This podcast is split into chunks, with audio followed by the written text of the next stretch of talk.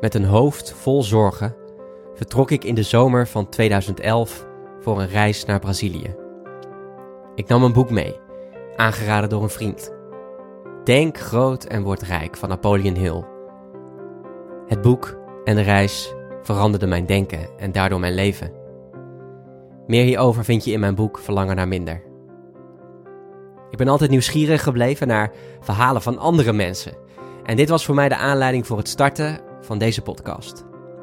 In de podcast één boek interview ik mensen die net als ik een boek hebben gelezen dat hun leven veranderde. In de tweede aflevering praat ik met Merel Graven over het boek Het zijn net mensen van Joris Luijendijk. We gaan terug in de tijd.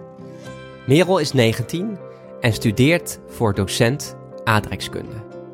En toen uh, moesten wij in die tijd voor de opleiding, moesten wij op een gegeven moment, of nou ja, we hadden keuze uit verschillende boeken. En een van die boeken was uh, Het zijn net mensen van Joris Luijendijk. Waar ik van Mhm. schrok toen als 19, 20-jarige, is dat mijn beeld van het Midden-Oosten dus ja, eigenlijk helemaal gevormd was door de media. En dat die zo eh, niet klopt. En eh, ik schrok daar best wel van, want ik dacht, ik ga dadelijk voor de klas staan en ik ga aardrijkskunde geven aan 12 tot en met 18-jarigen. Ehm, en ik ga ze dus waarschijnlijk ook, als ik dit boek niet had gelezen, had ik waarschijnlijk, was ik meegegaan in deze beeldvorming van de media. Want daarna ging ik lesboeken openen en toen zag ik in die lesboeken eigenlijk hetzelfde gebeuren.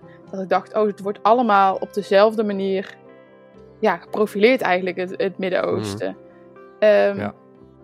Dus dan, ja, als we dat allemaal gaan doen natuurlijk, dan komen we er nooit van af. En het is gewoon niet helemaal de waarheid. Ja. Wat was jouw beeld toen van het Midden-Oosten?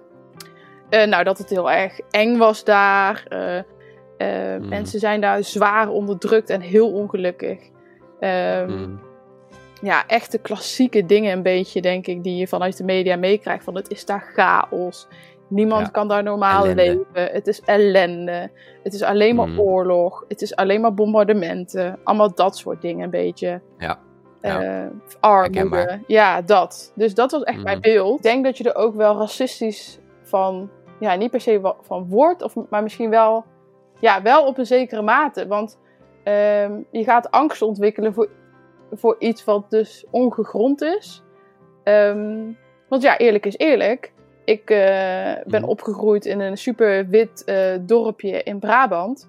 Ehm, ja, Mhm. dan is het best, wel- kan het best wel intimiderend voelen als je op een gegeven moment in de stad komt. En daar lopen bijvoorbeeld vrouwen met hoofddoeken of eh, misschien nog wel eh, eh, verder bedekt, helemaal in het zwart. Of mannen met baarden die er precies zo uitzien als die gevaarlijke mannen op het nieuws. Ja, je wordt daar best wel bevooroordeeld van. Ehm, Mhm. En daar ga je ook wel naar handelen. Dus ik heb ook wel eens tegen mensen gezegd van... Ik ben blij dat ik het nu weet, want... ehm, het zit wel heel diep in mij geworteld. Dus dat heb ik toen al wel, denk ik, eh, ervaren. Van nou, stel ik loop s'avonds over straat en ik loop op mijn stoep en ik kom een tegenligger tegen. En die man is bijvoorbeeld wit of die man ehm, heeft een Midden-Oosten-achtig uiterlijk eh, met een baard. Ehm, zou ik daar anders op reageren? En toen dacht ik gewoon, ja, waarschijnlijk voel ik me veiliger bij die witte man. Mhm. En dat is natuurlijk super erg dat je dat Mm. denkt, want het slaat helemaal nergens op. Ehm, Nee. nee, het slaat echt helemaal nergens op. Maar ik, toen ik dat Nee. zeg maar bij mezelf dus constateerde dat dat dus wel gebeurt. En dat ik in die mate dus eh, wel racistisch ben. ehm, vind ik het wel fijn dat ik dan dus, als ik in zo- zo'n situatie bijvoorbeeld zit, dat ik tegen mezelf kan zeggen: Oké, het zit zo diep gehoord in je, in je systeem dat je nu dit gaat doen. Maar je gaat het niet doen, want je weet dat het nergens op slaat, Merel.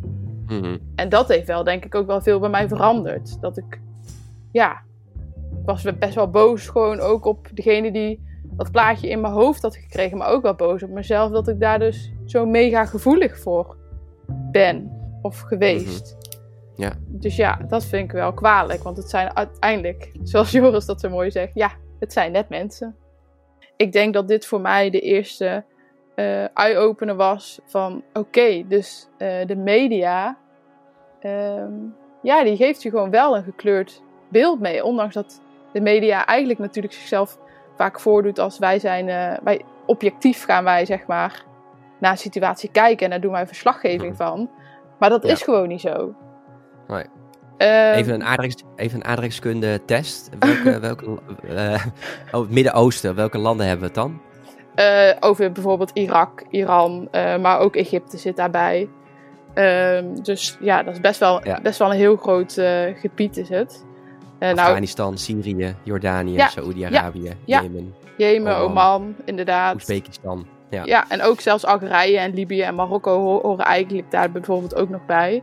Je, kunt eigenlijk, je kunt dus eigenlijk wel zeggen dat, je, dat het nieuws een beeld heeft geschetst wat niet klopt. Ehm, ben je daardoor ook eh, daarna anders met het nieuws gaan omgaan? Ben je bijvoorbeeld gaan, eh, ben je, ben je gestopt met het volgen van nieuws? Ja, nou dat was een beetje een dingetje, want op de aardrijkskundeopleiding was het altijd heel belangrijk om het nieuws te volgen. En dat was ook een van de grootste dingen ehm, die ze belangrijk vonden dat je mee naar de klas nam. Dus ga nou niet alleen maar in die boeken zitten, waar de thema's al van tevoren zijn bepaald, maar neem het nieuws nou ook mee naar je, naar je klas en heb het daarover. Dus Mhm. ehm, vanaf dat moment vond ik best wel lastig, want ehm, ik was eigenlijk een beetje door mijn opleiding een soort van geschoold om het nieuws altijd elke dag in ieder geval te kijken en te volgen. En aan de andere kant dacht ik, ja, maar het is zo gekleurd. Ik weet dat nu gewoon. Eh, Of ik weet in ieder geval een beetje waar ik op kan letten. Dus ja, is dat, ja, wat moet ik daar nou mee? En Ja. Ik heb het toen wel gedaan, maar ik merkte wel dat eh, zodra ik klaar was met mijn opleiding en ik ben toen niet eh, gestart als docent aardrijkskunde. Ik ben toen de marketing ingerold en totaal iets anders. En ik weet wel dat ik Ja. toen echt nog heel bewust ook tegen mijn vriend zei eh, van... nou is het klaar met al dat nieuws, het moet niet meer of zo. En ik kijk dus nu ook echt veel minder en ik lees veel minder nieuws dan, dan voorheen. Omdat ik, ja, ik vind het gewoon niet meer zo heel belangrijk wat, eh, ja, wat het NOS-journaal te melden heeft. Omdat ik gewoon mijn eigen kanalen een beetje heb waar ik dan het nieuws volg. Ik zal heel even een klein stukje voorlezen uit eh, het boek eh, De meeste mensen deugen. Het boek wat we allebei hebben gelezen van Rutger Bregman. Mhm. Eh, tegenwoordig is het nieuws een van de grootste bronnen van afstand. Wie het journaal kijkt, krijgt het gevoel dichter bij de werkelijkheid te komen, maar krijgt in werkelijkheid een verwrongen beeld voorgeschoteld. Er wordt vaak in generaliserende termen gesproken over groepen mensen. Vluchtelingen, racisten, elites, politici. Bovendien zoomt het nieuws in op uitzonderingen en dan meestal op de rotte appels. Afstand laat ons tekeer gaan tegen vreemden op het internet. Afstand helpt soldaten om hun afkeer van geweld te omzeilen. Afstand heeft de grootste misdaden in de geschiedenis mogelijk gemaakt.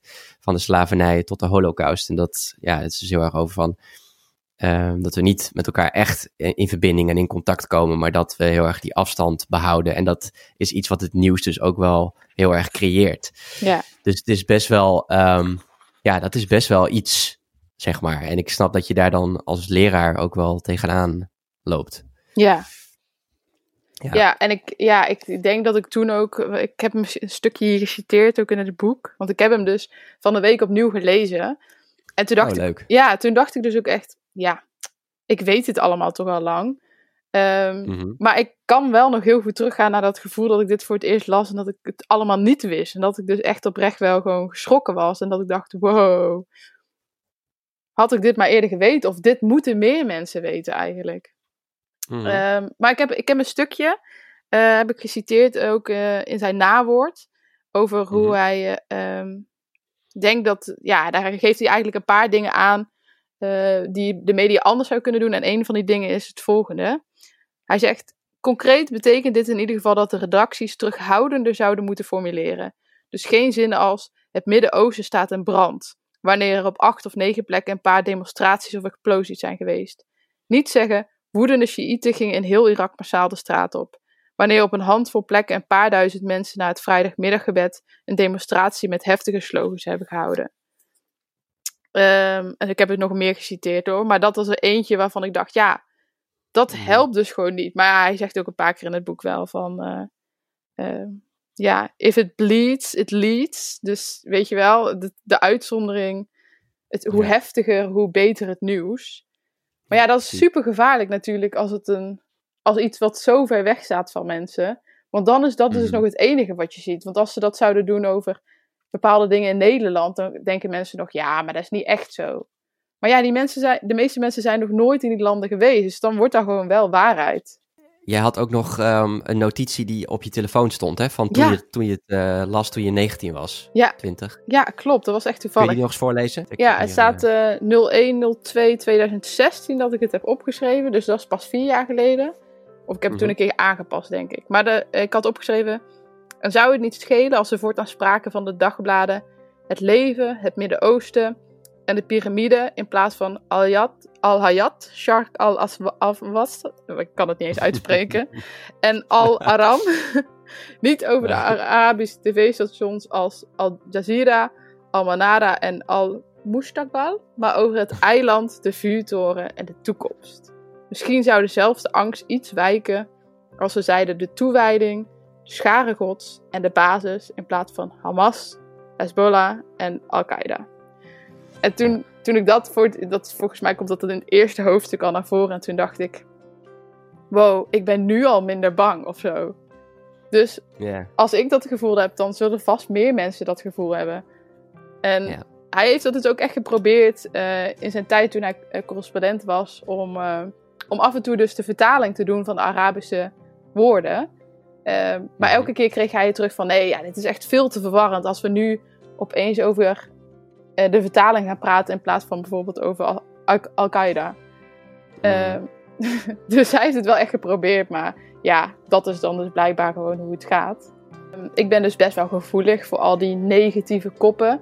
Ehm, en mijn vriend bijvoorbeeld, die zit wel eens, en dan moet ik, moet ik dan altijd achteraf ook wel om lachen. Die kan echt bij het ontbijt zitten en dan zijn telefoon pakken en dan in 10 minuten tijd drie van die dramatische koppen oplezen. Eh, en dan zeg ik ook altijd, Ruud, kap er nou alsjeblieft mee. Want ga je ook nog iets positiefs er tussendoor gooien, weet je wel? Van, er is een Ja. nieuw geitje geboren bij de kinderboerderij om de hoek of whatever. Eh, Ja. Maar ja, ik trek daar gewoon best wel slecht. Maar dat is gewoon dus wel ehm, hoe het nieuws werkt. Ehm, En ik, ja, ik heb dat denk ik, na dit boek ben ik me dat voor het eerst heel erg gaan beseffen. Ja, en inmiddels weet ik dat natuurlijk eh, prima en zoek ik vaak ook eh, de nieuwsartikelen op waar eh, situaties uiteengezet zijn. Of in ieder geval meer woorden of meer tijd aan, aan besteed is. Net als bijvoorbeeld de correspondent vind ik heel vaak fijn om te lezen. Mhm. Maar die snelle nieuwsitems, ja, ik denk altijd, eh, jongens, hoe erg gekleurd eh, ga, wil je het krijgen? Want ja, het, het is gewoon Ja. super erg gekleurd. Ze kunnen wel zeggen dat het objectief is, maar dat is gewoon heel vaak niet zo. Nee. Ja, Sublime FM heeft het nieuws van de vooruitgang. Hè? Dat is ook wel eh, positief nieuws vaak. Ja, En krijg je helaas toch wel die advertenties erbij, die ads, die ik, die ik ook heel vervelend vind. Mhm. Maar eh, je, ja, je kunt eigenlijk wel zeggen dat eh, dit boek kwam in 2006 uit. Dat Ja, er in die afgelopen, ja, dat er Ja. in die afgelopen 14 jaar toch niet heel veel is veranderd eh, met het nieuws, helaas. ja dat klopt, ja.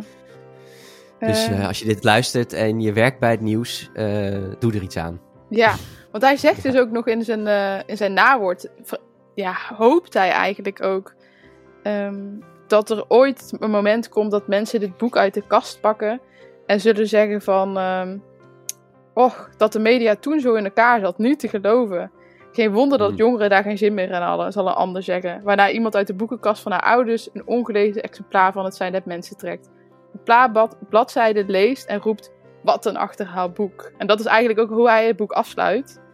Ja. Ehm, en toen ik het dus van de week opnieuw las, dacht ik, ah shit, ja, er zijn wel al betere dingen gebeurd in mijn, ehm, in mijn optiek. Dus net zoals bijvoorbeeld de Mhm. correspondent. Maar het is eigenlijk ook eh, nog steeds precies hetzelfde. Ik denk dat als mensen dus het beeld hebben van het Midden-Oosten, dat het er allemaal heel ongezellig is en gevaarlijk en dat mensen er ongelukkig zijn en dat het niet te leven valt, dan denk ik echt dat je dit boek gewoon een keer moet lezen. Gewoon puur voor het Midden-Oosten. Ehm, en als je misschien dat al wel weet van het Midden-Oosten, dat het allemaal niet zo per se het geval is. Ehm, maar je wil gewoon meer weten over hoe het in de mediawereld zit. eh, om wat voor reden dan ook. Dan is het boek ook gewoon heel erg mooi om te lezen. Omdat hij echt uitlegt eh, ja, hoe het werkt in de mediawereld. Of hoe artikelen tot stand komen. Hoe nieuws, een nieuw journaal tot stand komt. En dat is denk ik wel uh, een eye-opener voor veel mensen. Inmiddels heeft Merel samen met haar vriend een bedrijf in de duurzaamheidswereld. Als je benieuwd bent, kijk dan eens op eufloria.nl. Bedankt Merel voor je belangrijke verhaal. Heb jij nou ook zo'n verhaal zoals Merel met een boek dat je leven veranderde? En lijkt het je leuk om dit in een podcast te vertellen? Ga dan naar growthinkers.nl slash een boek en vul de survey in. Bedankt voor het luisteren en tot de volgende aflevering van 1 Boek.